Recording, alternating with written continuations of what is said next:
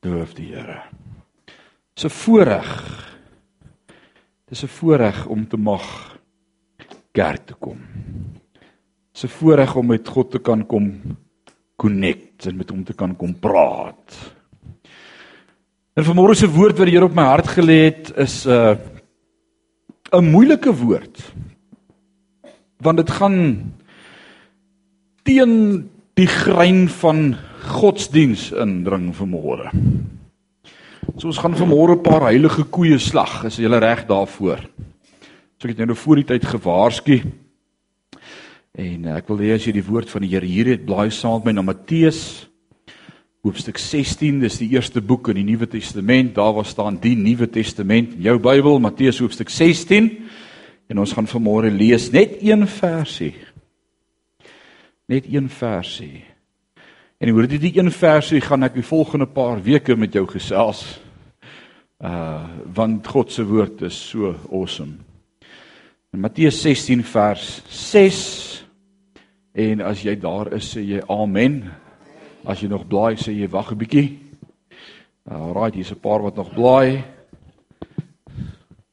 Matteus 16 vers 6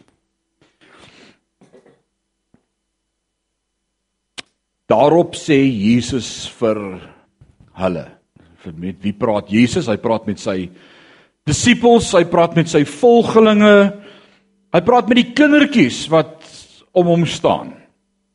Is belangrik vir môre om sommer net weer te besef en dis nie waaroor ek wil preek vir môre nie en ek maak dit nie vir môre teologie nie, maar ek wil net so hê jy moet so bietjie verder dink as wat jy geneig is om te dink, want ons is geneig om op te hou daar waar die Bybel stop. Dink net so bietjie verder. En vanmôre wil ek vir jou die vraag vra: Hoe oud dink jy was Jesus se disippels gewees? Ek dink hulle was jonk, maar die sê hulle was tieners gewees. Hoe kry ons dit uit die prentjie uit? Want ons vergeet, ons dink aan hierdie 12 jong, sterk manne Bernay se saais wat disippels was, ore afgekap het. Nee, nee, nee, nee. Hulle was hulle was tieners hoe weet ons hulle was tieners gewees want die gebruik in daardie tyd weet ons dat op die ouderdom van 16 kon jy trou. Nee, kinders druk die kinders se ore toe asseblief. Tian, hoe oud is jy nou? Waar's Tian? Ek hoop jy is dat hy gaan trou. Kry hom dadelik. Uh By ouderdom van 16 in die Joodse tradisie kon jy reeds getrou het en ons weet een van die disippels was getroud en sy naam was Petrus. Petrus was 'n getroude man gewees want ons weet hy het 'n skoonmaag gehad. En toe hy vir Jesus na sy skoonmaag gebring om haar gesond te bid. Kan jy dit onthou? Ja. Ja.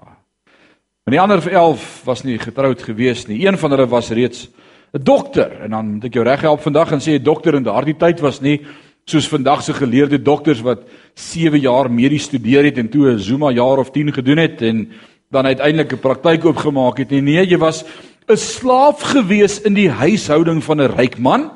So jy was 'n dienskneg.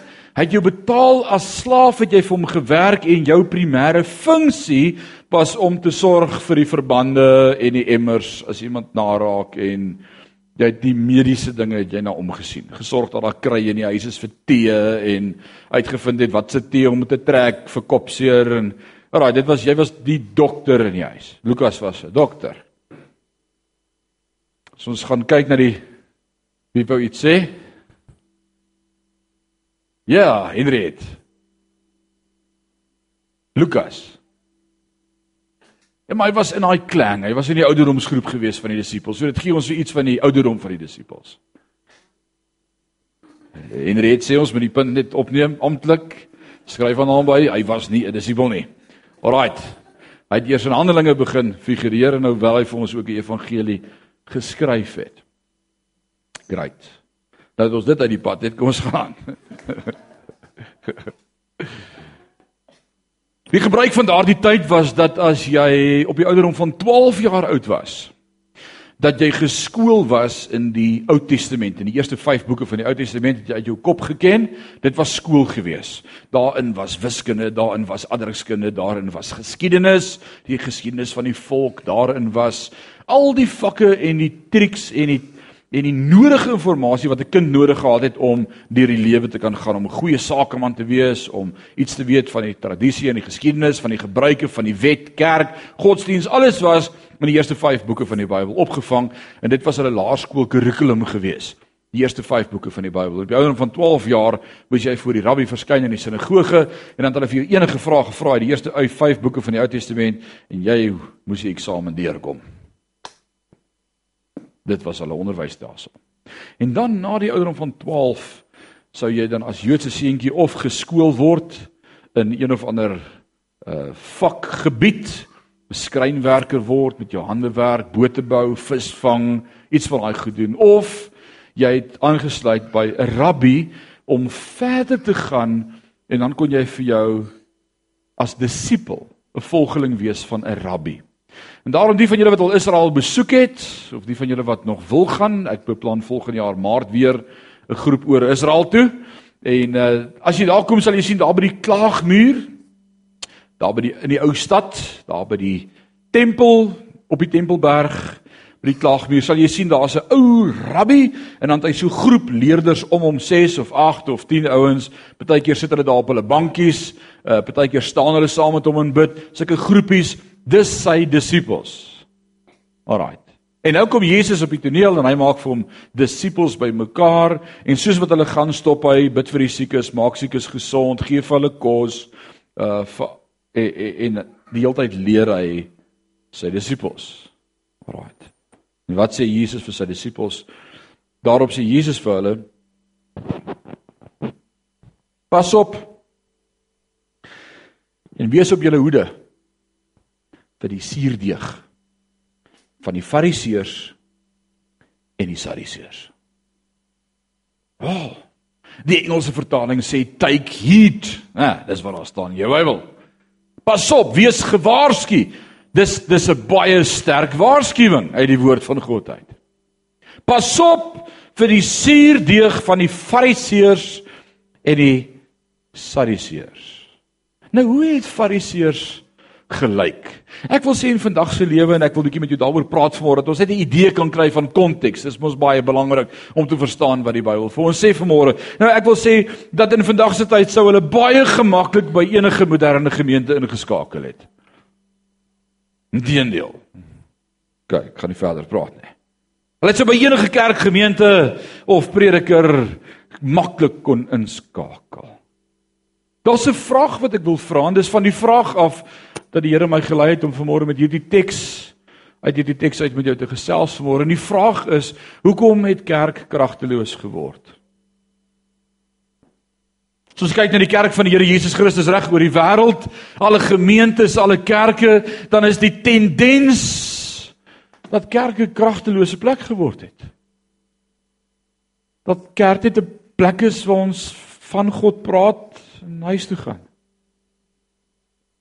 Daar's nie krag nie. As Jesus dan uitroep en hy sê dit vir ons so mooi daar in Johannes hoofstuk 4 as hy met die vrou praat by die put. Dan sê hy vir die vrou daar by die put van Samaria as jy van hierdie lewende water gedrink het, sal jy nooit weer dors word nie. Maak en jy beleef dat ons in ons lewe weer dors word. Jesus sê ek is die brood van die lewe. As jy van hierdie brood eet, sal jy nooit weer honger nie. En elkeen wat elke dag my pad langs kom met wie ek praat, sê ek het ek het honger. Wat het gebeur? Hoekom is ons kerke kragteloos? Hoekom is die kerke nie deursnee en ek sê nie net ons gemeente nie, ek sê alle gemeentes reg oor Suid-Afrika is daar so iets van kragteloosheid. Hoekom ondervind die kerk dan 'n droogte en 'n dors en 'n kragteloosheid? Wat het gebeur met die krag van die evangelie. Krag. 'n Krag. Wat loop skeef in kerke? En dan wil ek jou na hierdie skrif toe vat vanmôre in Matteus 16 vers 6 as Jesus sê pas op en wees op julle hoede vir die suurdeeg van die fariseërs en die sadiseërs. En dan wil ek vanmôre vir jou God se hart deel oor suurdeeg. En dan wil ek sê dalk het ons toegelaat dat hierdie goed stilletjies insluip in soveel kerke. En dalk moet ons vanmôre dan in die spieël kyk en sê, hmm, As daar suurdeeg is, moet dit uit vanmôre. So ek hoop jy besef this is a divine appointment. En ek wou vanmôre vroeg 'n gemeente SMS uitstuur en sê kom met 'n voorbereide hart, ons gaan vanmôre 3 ure lank in die woord wees. Maar toe is ek bang niemand van julle gaan kerk toe kom nie. Want dis hoe diep die suurdeeg al in geknie is in ons lewe. Ons het vooropgestel die idee is. Ons weet presies hoe moet kerk lyk en hoe lank moet kerk wees. En dis 'n gebed, 'n offerande, 'n paar liede vinnig, 'n paar liede stadig, dalk weer 'n gebed, 'n vinnige preek, dalk wragties nog 'n gebed en dan kan ek uiteindelik huis toe gaan. Is dit nou tyd? Suurdeeg. En nou beskryf Jesus hulle leerlinge as suurdeeg, iets waarvoor elke Jood baie versigtig was. Die Jode is baie baie bang vir suurdeeg. Hulle het iets bestaan van suurdeeg en hulle het die gebruik gehad van ongesuurde brode met die uitsondering van een keer 'n jaar wanneer God hulle beveel het om ook met suurdeeg 'n batch deeg aan te maak en dan te sien met hulle eie oë wat gebeur met deeg as daar suurdeeg in is. Dit groei en dit word iets wat jy nie gedink het dit gaan word nie. Of as ek en jy lately begin of probeer brood bak het by die huis en jy het vergeet om suurdeeg in te sit of jy het gedog dit moet gewone flour wees en toe sit of jy moes self raising flour gebruik en jy het nie. Nou dan val daai storie plat en dan verstaan jy maar dis suurdeeg se afwesigheid. Suurdeeg het die geneigtheid om iets te laat groei en groter te laat word as wat dit moet wees. So dit was al dit verstaan van suurdeeg. So dink saam met my vanmôre as ons praat oor as Jesus vir hulle sê pas op en wees op julle hoede. Jy sou dink dat Jesus dalk eerder vir sy disippeltjies sou gesê het, disippeltjies, julle moet versigtig wees vir die tannie van die rooi ligdistrik. As ons in Holland was het ons gesê pas op vir Walletjiestraat. Pas op vir daai tannies wat in die aand rondloop. Hulle is slegte mense. Of disipeltjies pas op vir die ooms wat dronk op straat is, wat 'n alkoholprobleem het. Hulle is reguit op pad hel toe. Dalk sou hulle eerder moes gewaarsku het teen die sondaars. Maar hy voel heel tuis tussen die sondaars. En hy eet saam met hulle. En hy kuier saam met hulle. En hy het hulle lief, inteendeel, hy praat van sondaars as verlore. Inteendeel, hy praat van hulle as verlore skape. Maar teen die fariseërs vaar hy openlik uit en hy noem hulle wit gepleisterde grafte, slange, skorpioene. Hmm. Tromp op loop hy hulle. Sy waarskuwing was juis teen die suurdeeg van die fariseërs. So wat leer ons hier uit vanmôre?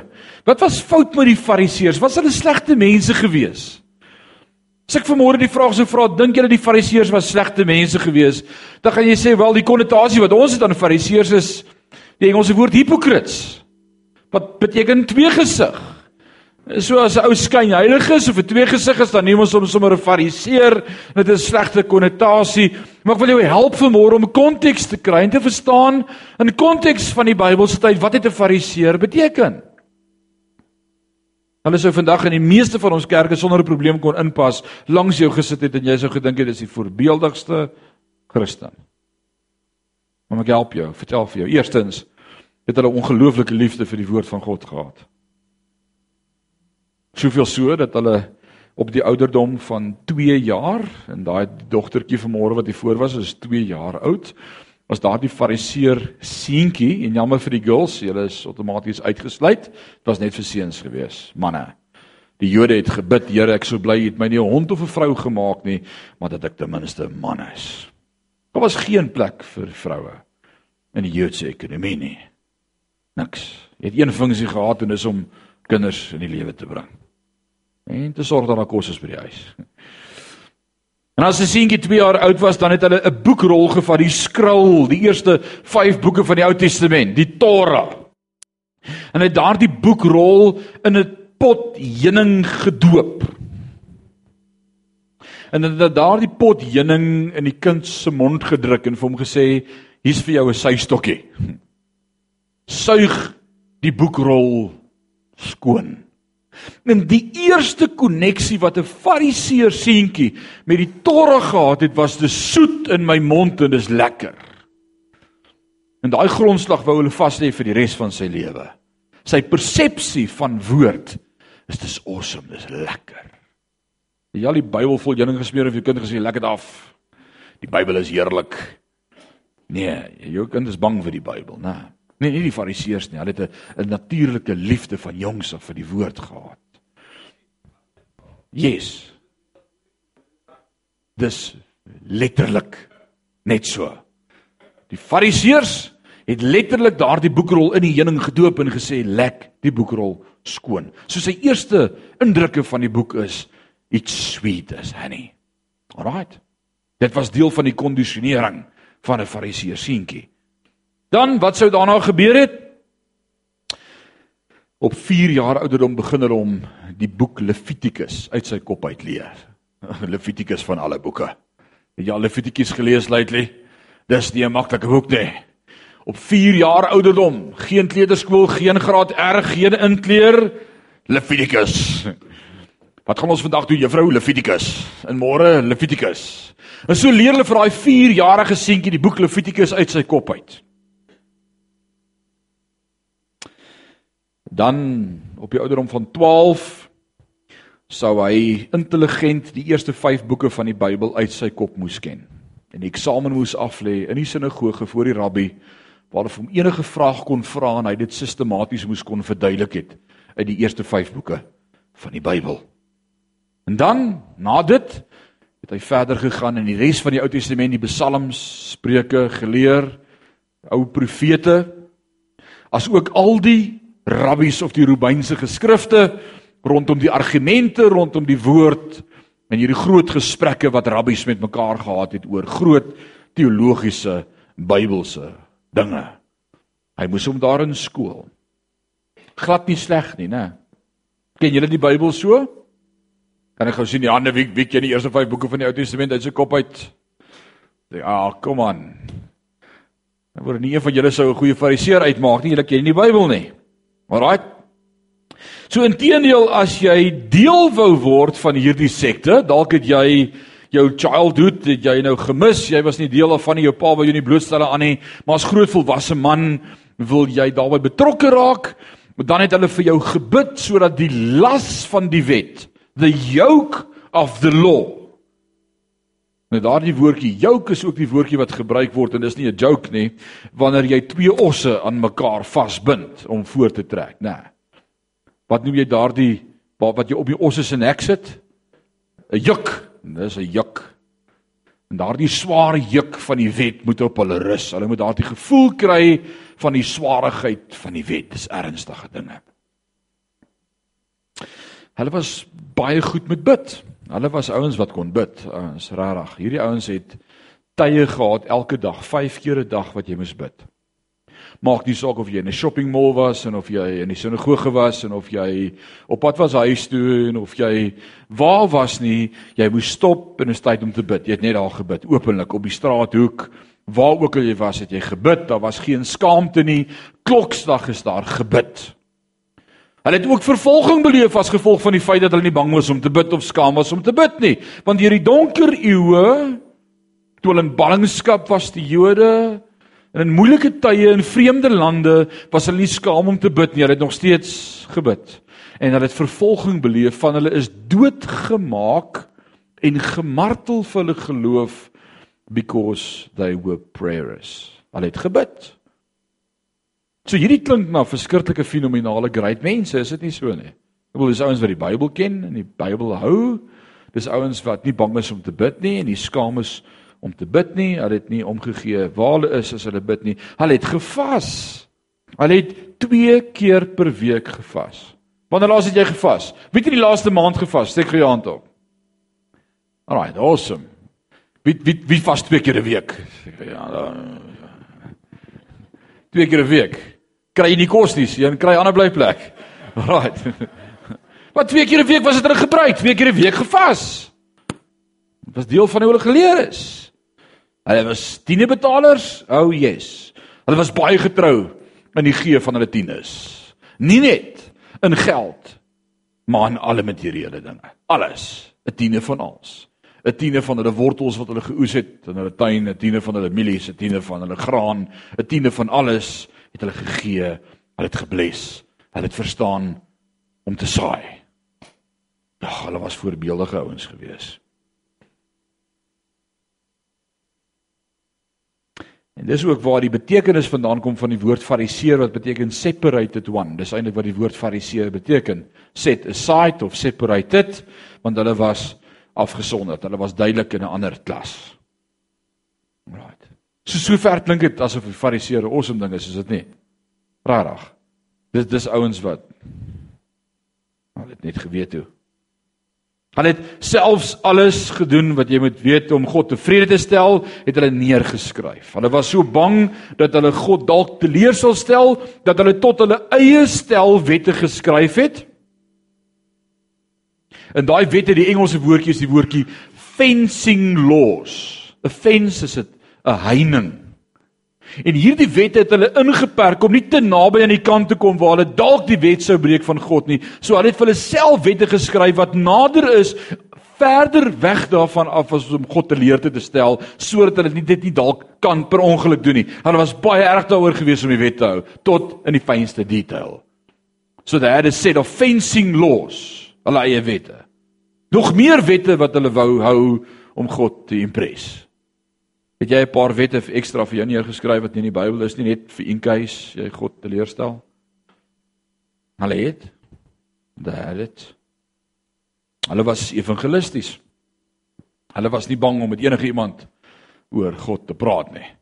En soveel sodat hulle in elke sinagoge was en met almal gepraat het om fariseërs te word en mense te oortuig dat hulle soos hulle moet lewe en deel word van die fariseer klan op sekte. Hoekom sê ek sekte? Ons gaan nou hoor hoekom sekte. So kan ek en jy fout vind met so 'n mens.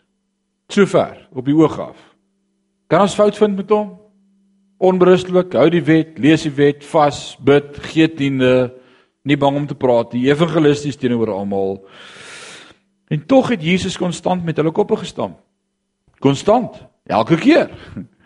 Elke keer as die fariseërs of sadiseërs daar was, het hy met hulle koppe gestamp, loodreg, lynreg teen hulle en hulle uitgewys as verraaiers van die waarheid.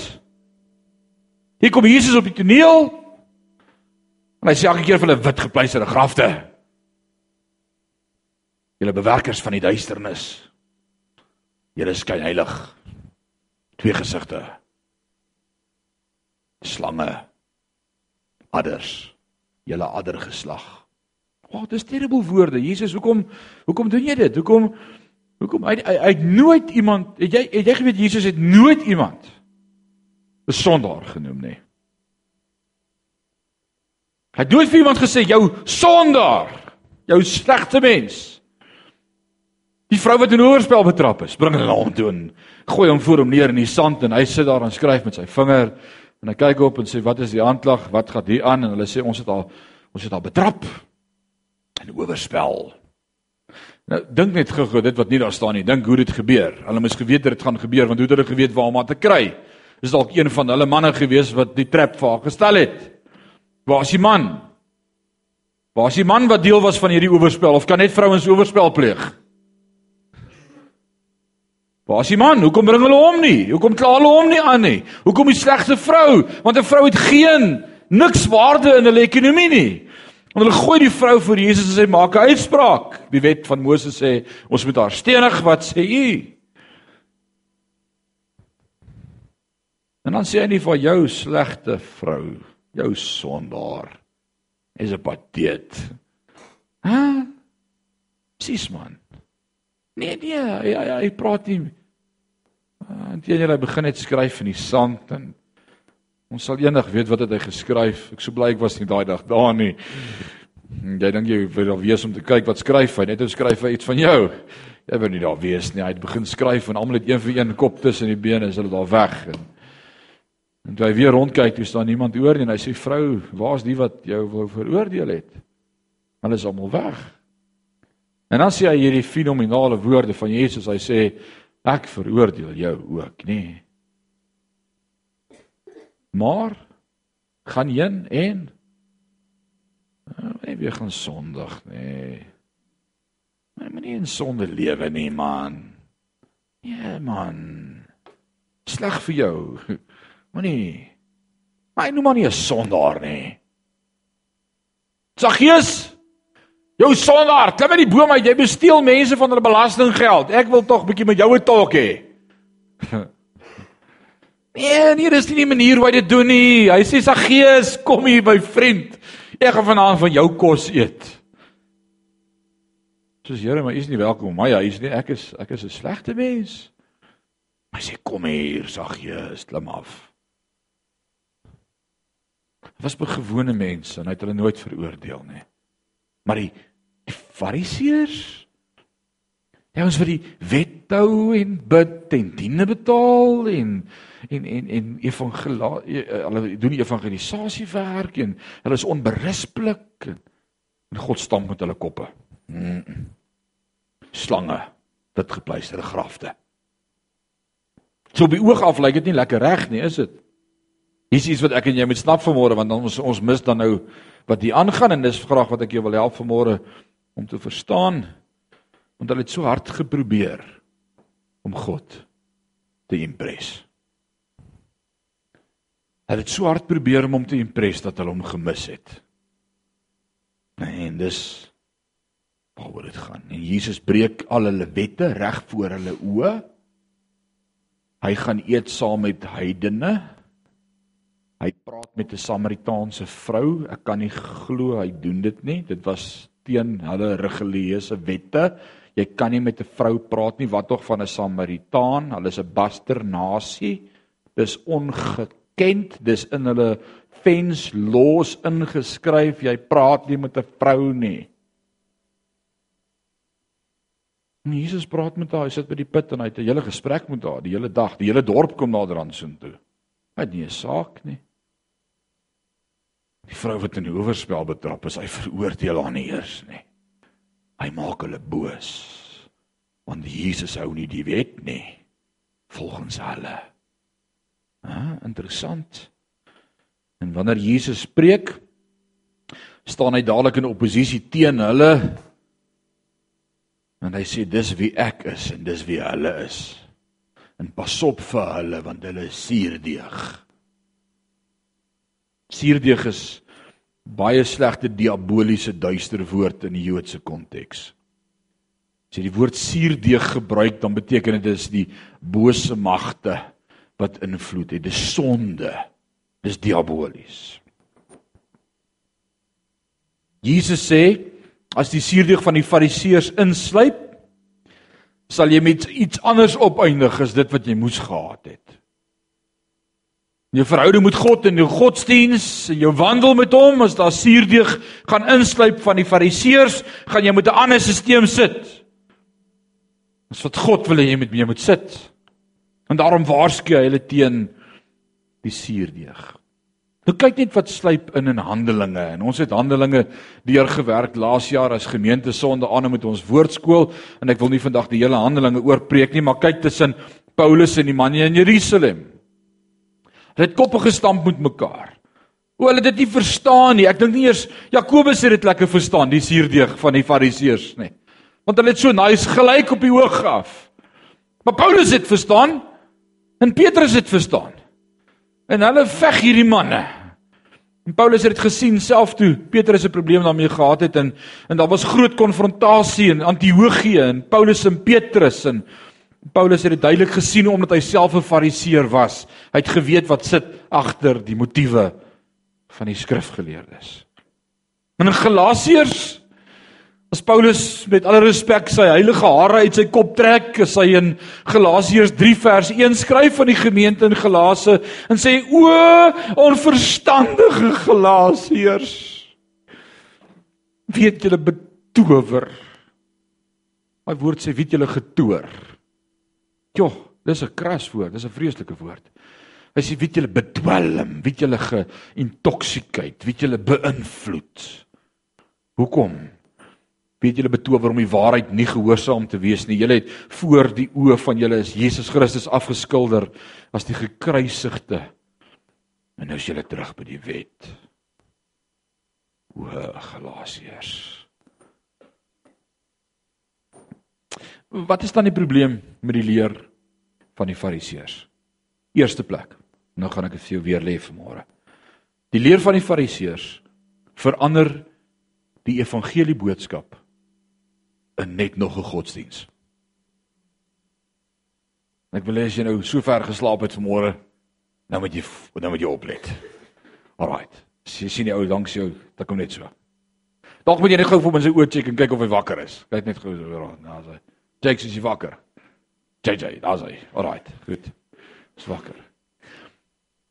Wat gebeur met die fariseërs? Die leer van die fariseërs verander die evangelie boodskap. Wat is die ander woord vir evangelie? Goeie nuus, dit staan op jou Bybel geskryf, the good news. Dit vat die evangelie boodskap en dit verander dit dat dit net lyk soos nog 'n godsdiens. Dis net 'n ander coating. Maar die essensie daarvan bly dieselfde. Het jy geweet dat alle godsdienste in essensie dieselfde is? Alle godsdienste. Of jy nou Hare Krishna of 'n Moslem of 'n Hindu of 'n wat ook al is, alle godsdienste het dieselfde in essensie. Die hart daarvan is dieselfde. Jy geweet?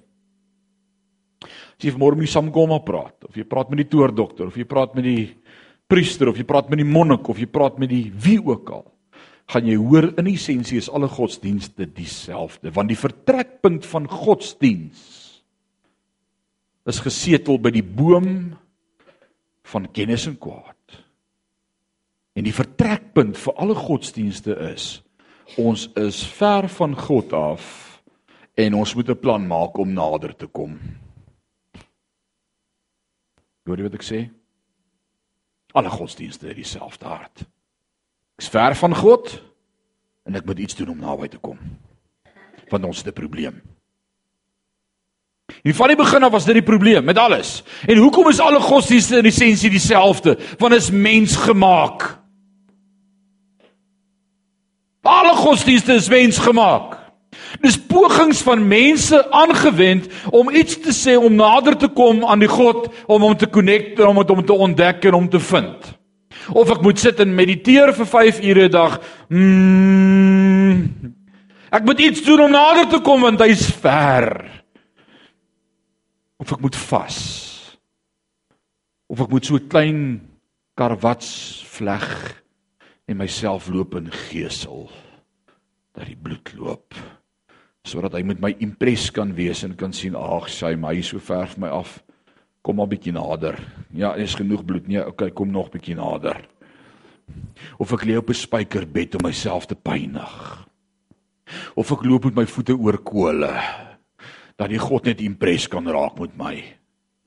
Die arme een wat dit nie kan doen nie bly ver. Alles werke. En van die begin af van die essensie is elke godsdiens dieselfde. Ek en jy moet iets doen. Ek en jy moet iets doen. En godsdienste veronderstel almal 'n skeiding met God en en so om die brug te bou deur ons optrede, deur ons werke en dis presies wat die fariseërs probeer doen het, deur die hou van die wet, deur die gee van tiende, deur die sing van gesange amper rap ek nou vanmôre hier. Moet ek aangehou het. Alles wat hulle moes doen was om te impres sodat hulle dalk sou naderkom aan die God. Nou die ander interessante ding is dat alle godsdienste in essensie aanbid iemand wat lyk soos hulle. Hoor wat ek sê vanmôre. In alle godsdienste aanbid jy die een wat lyk soos jy. Die Fariseërs het die groot Fariseer in die wolke aanbid. Want hulle het gedink hy is soos hulle. Hy hou die wet, hy haat sonde. Hy hou daarvan as hulle tiende gee. Hæ? Hy is goed opgelei in die taal, praat korrek, kommunikeer korrek, spandeer nie tyd met vrouens nie, hou die wet. En omdat hy lyk soos hulle, wil hulle lyk soos hy en hom impres. En nou kom die seun van God en hy verskyn op die toneel en hy lyk toe nie soos hulle nie. En hulle like dit nie. Hier's nou 'n probleem. Want die God wat ons aanbid lyk nie soos jy nie. Jy hou nie die wet nie. Jy praat met vrouens, jy gaan sit saam met wynsuipers. Dit kan nie God wees nie. Hy kan nie die seun van God wees nie. Hy praat van liefde.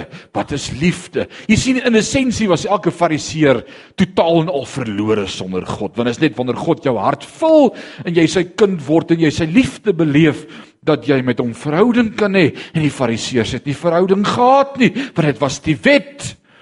En selfs die fariseërs kon die wette nie hou nie en daarom het hulle ander wat die wette nie kon hou nie afgekraak en vir hulle vertel hoe sleg is hulle en hoe ellendig is hulle sodat hulle beter lyk want hulle het geen selfbeeld nie. Hulle het geen verhouding met God nie. Daar's geen liefde in hulle lewe nie.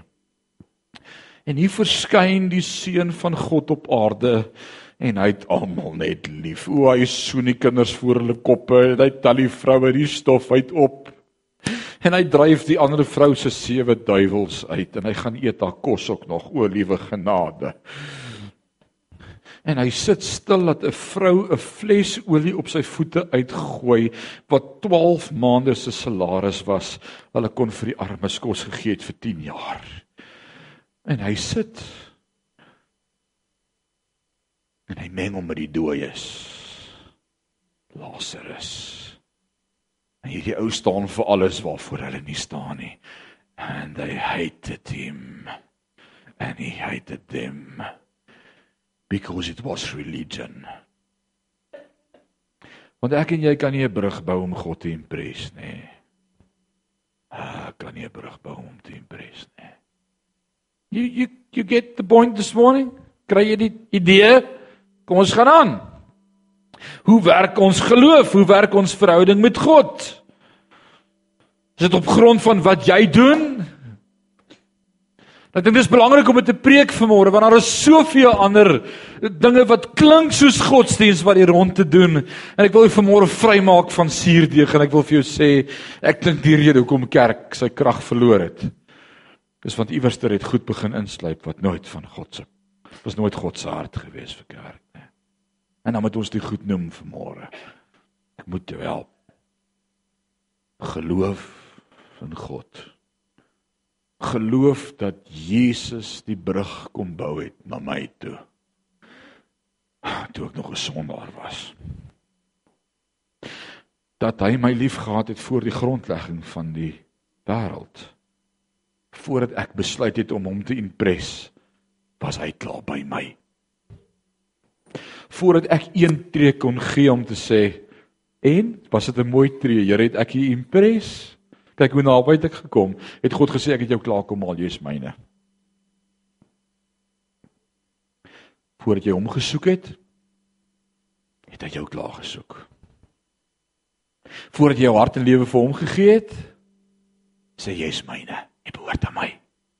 Jy lief met 'n ewige liefde O nee nee man, moenie moenie moed opgee nie. Ek weet al is jy ontrou. Toe maar, ek bly getrou. Ek bou die brug. Dis niks wat jy kan doen nie, maar alles wat ek kan doen. En ons godsdiens. En hoor mooi wat ek jou sê, is die enigste godsdiens waar die God die brug bou na ons. En nie ons na hom nie. En die fariseërs se leer het gesê jy bou die brug na God. Jy beter die wet ken, jy beter vas, jy beter 5 keer 'n dag bid. Al kos dit jou lewe. Jy moet jou tiendes gee, nie net jou tiende nie, sommer van alles wat jy het. Jy moet met almal praat daaroor. Die heeltyd. En God kom en sê, "Julle verstaan nie, julle het nie verhouding nie, liefde." Hulle verstaan dit nie. Jy sien God het ons kom haal. God het ons kom soek. Lees net die gelykenisse in die Bybel. Gaan kyk waaroor gaan dit. Jesus sê ek laat die 99 skape soek staan en ek gaan soek die een. Die een wat nie na hom soek nie. God sê ek kom soek jou. Hy sê dit soos 'n man wat deur 'n land stap En hy skop die kluite terwyl hy deur daardie land loop en hy skop 'n skat raak. 'n Duur skat. In daardie tyd was daar nie banke en kluise gewees nie. Jy het dit begrawe as dit vir jou kosbaar was. En toe hy hierdie skat oopskop toe Toe sê hy ek moet hierdie stuk grond koop. Wie se grond is hierdie? Hulle sê nee man, daai oom is al 10 jaar terug dood. Dis niemand nie. Hy sê ek koop dit uit die boedel uit. Ek soek alles. Hy sê ek het alles verkoop om daai grond te koop. Want toe ek die grond gekoop het, toe het ek 'n skat gekry. Dis myne. Besef jy wat daai skat was? Ons het so mispersepsies van die gelykenisse in die Bybel. Ek dink dalk moet ons 'n reeks begin net oor gelykenisse. Sandra dalk is jy reg om net te verstaan wat God se hart is vir my. God die Vader is die een wat deur die land stap en skop. Ek en jy is die skat. En hy sê ek het alles verkoop en prys gegee sodat ek jou kan kom koop. Jy het nie die brug gebou nie, hy het die brug gebou. Hy sê net daarna dis soos 'n man wat 'n kosbare parel gevind het. En dit sê ek moet hom hê, ek moet hom hê, ek moet hom hê. Klink soos jou vrou, né? Ek moet hom hê, ek moet hom hê. Dis hy gaan en hy verkoop alles en hy gee alles prys. Hebreërs sê vir ons hy het sy godheid neergelê. Hy wat aan God gelyk was. Het homself kom neerbuk en 'n mens geword in die stof van hierdie aarde sodat hy die prys kon betaal om die parel te koop. Dis ek en jy. Ons is die parel ons. Soveel gelykenis in die woord van die Here. Hy sê dis soos 'n vrou wat 'n penning verloor het. Ja, Adam en Eva, God is God is nie meer tevrede met julle nie. Hy het julle gemaak na sy beeldnis. Julle het sonde gedoen, hy het julle verloor.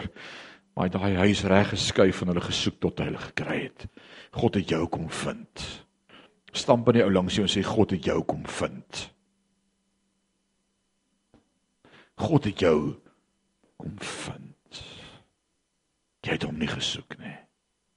Paulus het dit verstaan. Hy skryf vir Romeine, Romeine 2 vers 13 sê hy: "Kom ek help julle gou-gou sê hy. Niemand soek God nie, nie een nie. Julle skyn heilig, julle het lippe taal van God verering. Julle probeer hom impress. Hy's nie impressed nie. Jy moet verstaan hy jou kom soek voor jy hom gesoek het. Hy wil net hê jy moet hom lief hê. Ah, that's it. Right. Dis wat hy alles vir my gedoen het. En, da, en daarom is godsdiens die enigste ware godsdiens, ons godsdiens. It's not because of who I am, but because of who he is. It's not because of what I've done, but because of what he's done. Sê ek en jy nie, dis alles hy. Alles God. En wat doen soveel kerke elke keer as hulle bymekaar kom? Soveel ouens kom vanmôre bymekaar, soveel kerke reg oor die wêreld kom vanmôre bymekaar op Sondagoggend, dis kerktyd. En dan laat dit my dink soms as ek in 'n kerk sit soos 'n baie Lani Grand restaurant waar jy wil gaan eet. Jy's so honger, jy kan jou lus nou nie hierdie hele dag gevas want vanaand eet ons by daai plek. Wie weet waarvan ek praat? Ah, right. Vanaand eet ons uit. Ek gaan nie middagete eet nie. Ek skiep, ek wil honger wees vanaand. Dan kom jy by daardie restaurant en dan kom die kelner pragtige klee in sy toga en dan lees hy vir jou die menu. Hy lees vir jou al die snitte van die vleis op die menu. En hy lees vir jou die spesiale souse van die chef in die kombuis. En jou mond die kweye loop in jou mond en so lus is jy om van daai vleis te kry. Jy so lus. En dan lees hy vir jou die hele menu. En as jy die menu klaar gelees het dan sing ons 'n lied oor die pudding van die dag. En dan gaan ons huis toe. Klink dit soos kerk? Klink dit soos kerk? Wanneer ons mense lees van die God wat daar ver is en hoe awesome is en hoe great hy is en ons sing 'n liedjie of twee oor eendag as ons van daai pudding gaan kan eet en dan gaan ons huis toe en ons dink o ons is sulke slegte mense. Ons is hier onder ek sal moet wragtig hard werk en meer vas en my tiende gee dat ek hom kan impress. Ek wil graag eendag van daai pudding hê. Ek wil ek wil in die hemel kom, ek wil nie hel toe gaan nie. Is daar iemand hier vanmôre sê net amen as jy verstaan wat ek bedoel? Amen. Ons het hierdie pie in the sky. Maar die waarheid vanmôre van 'n krag kragtelike evangelie is hy's by jou, hy's in jou, hy's met jou, hy's vir jou. Hy's nie teen jou nie, jy's syne. Hy praat met jou, hy lei jou, hy leer jou. Hy's elke oomblik met jou. Jy's nie ver nie. Hy's by jou. En as jy geloof in jou hart het, wil hy antwoord. Dis die boodskap van my Bybel. Maar dis nie die boodskap wat al die kerke preek vanmôre nie. En ons evangelie het kragteloos geword omdat ons God probeer impres. En ons het vir te lank in kerk vir mense gesê hoe moet Christene lyk? 'n Christen eet nie van die vloer af nie. O nee, dis bloubol, skus. 'n Christen ryk nie op 'n Sondag na twak nie. En 'n Christen suig nie 'n pepermuntjie om sy brandewyn asem te kamouflage nie. En 'n Christen slaan nie sy vrou dat die blou kolle daar sit nie. En 'n Christen maak nie so nie en maak nie so nie en sis, en daar lyk nie so nie en jy moet dit doen. En as jy 'n goeie Christen wil wees, moet jy so maak. En, en ons het kerke vol mense wat hulle bes probeer om reg te lyk. Maar het nog nooit 'n connection met God gehad nie. Want hoe ek hierdie week met hierdie woord worstel en dis 2 weke wat ek met hierdie woord worstel. En ek het nie gisteraan geslaap nie want ek kon nie slaap nie. Want is die woord wat God wil hê ek vanmôre sal bring vir hierdie gemeente. Is om te sê God soek jou nes jy is. Hy sal jou verander op sy manier. Maar hy soek jou hart. Hoe hy soek jou hart. Ons kom met 10 wette en ons sê dis hoe jy moet lyk om God te impres. En dan kom hulle by Jesus. Die ryk man kom by Jesus. Die ryk man kom by Jesus. Lukas 18 vers 18. Ek moet dit ek moet dit met jou deel vanmôre. Lukas 18 vers 18. En 'n sekere owerste vra vir Jesus en sê goeie meneer wat moet ek doen om die evangelie en die ewige lewe te beerwe? En Jesus antwoord hom waarom noem jy my goed? Niemand is goed nie behalwe een en dis God. Jy wil my impres jy wil my heuning om my mond smeer. Jy wil na my toe kom met o oh, goeie vader man niemand is goed nie net God is goed. Moenie moet mooi woordjies na my toe kom nie. Jesus sê vir hom waarom noem jy my goed? Niemand is goed nie behalwe een naamlik God. Jy ken die gebooie jy mag nie egbreek nie. Jy mag nie doodslaan nie. Jy mag nie steel nie. Jy mag geen valse getuienis aflê nie. Eer jou vader en jou moeder. En hy sê al hierdie dinge doen ek reeds. Van jongs af ek hou die wet. Al die goed wat reg lyk dit doen ek. Ek hou die werke. Ek het die werke Nou onthou terwyl hierdie jong ryk man by Jesus staan en met hom praat, is daar 'n skare om hom sy disippels is daar want hulle skryf dit vir ons. Nee, is Matteus skryf dit vir ons. Lukas is die een wat hierdie skryf en en soos ook die fariseërs teenwoordig. Die suurdeeg. En nou wat hulle wat hy vir hom sê. Want hulle stel reëls sê doen A B C D en E. Nou sê hy vir die jong man, doen A B C D en E. Dis wat hulle vir jou sê om te doen. Wil jy moet dit sien vanmôre hoe dit ontvou. En dan sê die ryk man maak doen al hierdie dinge van my jeug af. En ek dink Jesus het dalk na hom gewys en vir die fariseërs gewys. Hmm. En toe Jesus dit hoor antwoord hy hom. Daar's een ding wat jy ontbreek. Daar's een ding wat jy ontbreek. Verkoop alles wat jy het en verdeel dit onder die armes en en jy sal 'n skat in die hemel hê en kom hier en volg my. En toe hy dit hoor, het hy bedroef geraak want hy was baie ryk. Hmm. En toe Jesus sien dat hy diep bedroef was, sê hy: Ja, hoe beswaarlik sal hulle wat goed besit in die koninkryk van God ingaan. Jesus maak die pap so bietjie dikker nog hy. Hy gebruik nou die oomblik om 'n bietjie 'n stelling te maak. Sê ja, ryk mense gaan nie hemel toe nie. Hulle het te veel goed. Hulle wil nie van hulle goed ontslaa raak nie. Nou staan die fariseërs staan ook daar. Hulle hulle hoor wat hy sê. Want dit is makliker vir 'n kameel om deur die oog van die naald in te gaan as vir 'n ryk man in die koninkryk van God in te gaan. Dis dan 'n verskriklike woorde is dit nie? Maar jy moet vanmôre klik met wie praat Jesus? En hoekom sê hy dit? En daarop sê die wat dit gehoor het, die fariseërs, die wat die wet hou, die skrifgeleerdes, wat antwoord hulle vir Jesus? "Ha, oh, wie sal dan gered kan word? Waar kom hierdie ou met sy wette vandaan?" Wat sê ons is dit? Ons het dit nie in ons wette nie. Hoekom het ons dit nie in ons wette nie? Dis nie eers een van ons grenswette nie. Daar's nie 'n manier wie wie gaan gered kan word wat sin ons as evangelie verkondig hy. Niemand gaan gered kan word volgens hom nie. Dis nie 'n manier nie. Jesus skud so 'n bietjie hulle hok. En dan vra hy hierdie vraag, maar wie gaan gered kan word? En dan is al so 'n oomblik stilte en ek dank God vir hierdie volgende vers vers 27 want as jy dit vanmôre sien gaan dit jou lewe verander. Wat sê vers 27? Die dinge wat by mense onmoontlik is is by God moontlik. Wat is by mense onmoontlik?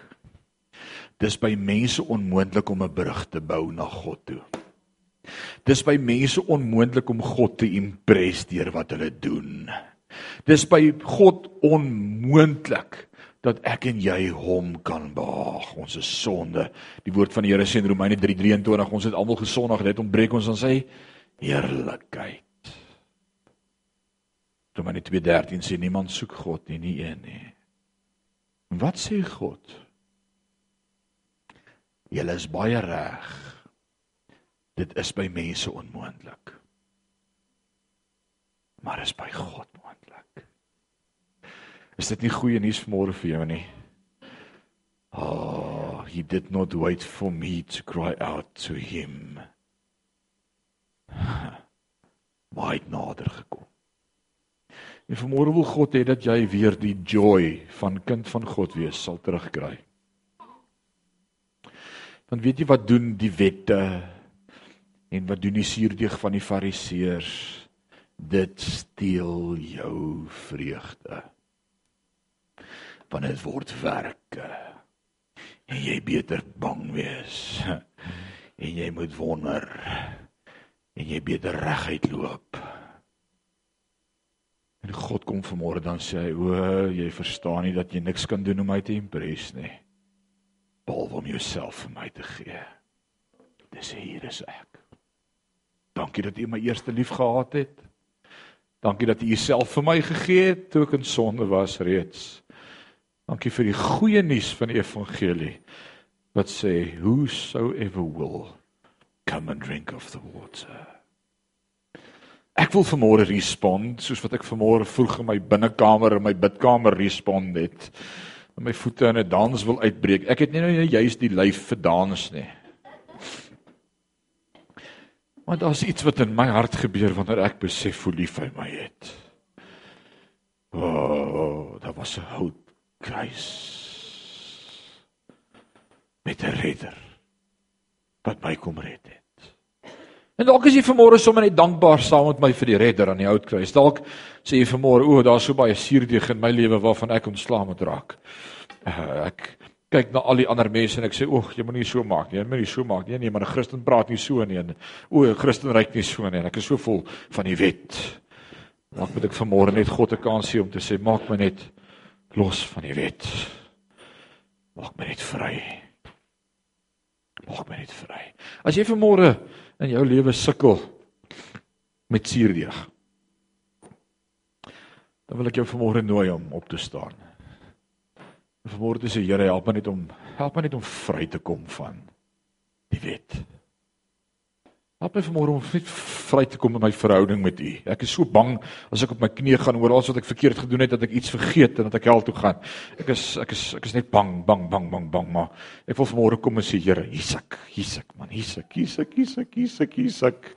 Ek hoef nie bang te wees nie. Hier is ek. U u het alles klaar gedoen. U het die brug gebou. U het Uself gegee vir my. Ek wil vanmôre net respond en sê hier's ek. Jy moet respond en net sê hier is ek, hier is ek. Ek wil jou challenge, nee, maak jou oë toe. 'n Great ding gebeur as jy jou oë toe maak. Jy sien niemand nie. En dan kan jy jou hande opsteek want niemand sien jou nie. En dan begin jy vanmôre met hom praat en sê Here, hier's ek. Ek wil respond. Ek wil vanmôre oorgee. Ek wil net vanmôre sê hier is ek. Uh, dit gaan nie oor my nie, dit gaan nie oor hoe oulik ek is of wat my van is of hoeveel geld ek vanmôre het nie. Dit gaan alles oor U. Hier is ek. Just as I am. Hier kom ek vanmôre, Here. Ek wil vanmôre kom sê hier is ek. Ons wil vanmôre vir U kom dankie sê as gemeente vir die brug wat U gebou het vir ons. dankie vir die brug wat U kom bou het. dankie Jesus dat U gekom het. Dankie dat U U seun gegee het sodat ek nie verlore sal gaan nie, maar die ewige lewe kan beerwe. Dankie vir die goeie nuus van die evangelie, Jesus Christus. Maak dit net môre stel reëls of werke is nie, maar vanmôre die genade van God. Ons is so geneig om onder die werke toegevou te word en te sê, "O, oh, ons lyk nie soos 'n kind van God nie." Maar dankie dat U woord ons leer in Filippense 1:6 dat hy vir die werk in ons begin het, dit sal klaarmaak. Dankie dat U daardie werk in ons lewe begin het en U sal dit klaarmaak vir môre. Aan U die lof en die eer en die aanbidding van ons harte. U is 'n awesome God. Kom aan begin God net aanbid daar waar jy staan. Sê vir hom vanmôre, hier is ek, Here. Ek kom, ek kom. Ek kom mekaar toe na U toe. Ek hardop na U toe vanmôre. Die verlore seun sê hier is ek. Hier is ek. Hier is ek. Ek is nie werd nie. My werk lyk nie so nie. My klere stink bietjie na varke. Ek ek lyk nie soos 'n kind nie en ek spruit om 'n slaaf te wees en U sê nee. Kom, ek trek jou nuwe rok aan, jy's myne. Jy verstaan nie hoe lief ek jou het nie. Ek het jou ek het jou so lief. Ek het jou oneindig lief. Dankie dat U vanmôre vir party mense net weer opnuut U liefde kom bewys. En sê hoe lief U ons het. Dat ons dit vanmôre sal hoor en sal beleef en sal aanneem die liefde van God vir my. Al kan ons nie verstaan hoe kan U so slegte mens lief hê nie, Here. U liefde is ewig. U liefde is ewig. U liefde is ewig. Die liefde is ewig. Die liefde is ewig. Die liefde is ewig. Dankie vir u liefde. Dankie vir u liefde. Lees so 'n bietjie die ou voor jou en agter jou so 'n bietjie inhak. Dalk is dit vir jou heel weird en vreemd vanmôre. Hak net so 'n bietjie by iemand in, toe dat jy nou nie alleen staan nie. Hak so 'n bietjie in by hom. Sê hier is ek. Here, soos wat ek daai hand vashou en daai hand my vashou of hierdie ou my om my skouer het of oor die arm, so dankie dat U my so vashou vanmôre. Tasbaar, tasbaar, tasbaar. Dat U vanmôre prakties vir my vir jou kom sê, ek hou jou vas, jy's myne. Ek hou jou vas, jy's myne. Ek hou jou vas, jy's myne. Ek het 'n prys vir jou betaal. Ek het my seun gestuur Jesus Christus om te sterf sodat jy die ewige lewe kan beerwe. Jy's myne. Here, wil ons vanmôre askies sê dat ons so sukkel om te verstaan wat genade is. Dat ons moet werk vir genade. Maar dankie dat genade verniet is. Dankie dat genade verniet is vanmôre. Help ons in ons lewe om genade te verstaan. En dan wil ek verder gaan vanmôre en ek wil bid help ons om ook genade te hê met ander mense. Help ons om daardie genade wat U met ons het ook met mekaar te hê en vanmôre vry te spreek en te vergewe en te ontarm en toe te vou en toe te maak en te bedek. Sommige net liefde. Help ons om liefde. O, U het ons lief. Ons loof U ons loof U Vader. Dankie dat dit wat onmoontlik is by mense moontlik is by ons God. Ha, ons loof U. Ons loof U in Jesus naam en sê ons sê amen en amen. Sê vir die ou langs jou die Here het jou lief. Die Here het jou baie lief. Loof die Here. Loof die Here. En toe ek nie so lank gepreek soos jy gedink het nie, nê. Die Here het jou ongelooflik baie lief. Het jy so lief dat hy homself gegee het vir jou, vir my. Wys daardie liefde ook met ander. En oppas Galasiërs soos Paulus skryf dat die juk van die wet nie weer op jou gelê word nie. Want jy het met Christus begin en met genade begin. En dan bly ons in sy genade. En mag die genade van ons God met sy teenwoordigheid en sy liefde elke oomblik met jou wees in hierdie dag. Mag jy weet dat God naby jou is tot hy ons kom haal. Amen. Amen. Die Here seën julle, mag julle 'n awesome dag hê. Amen.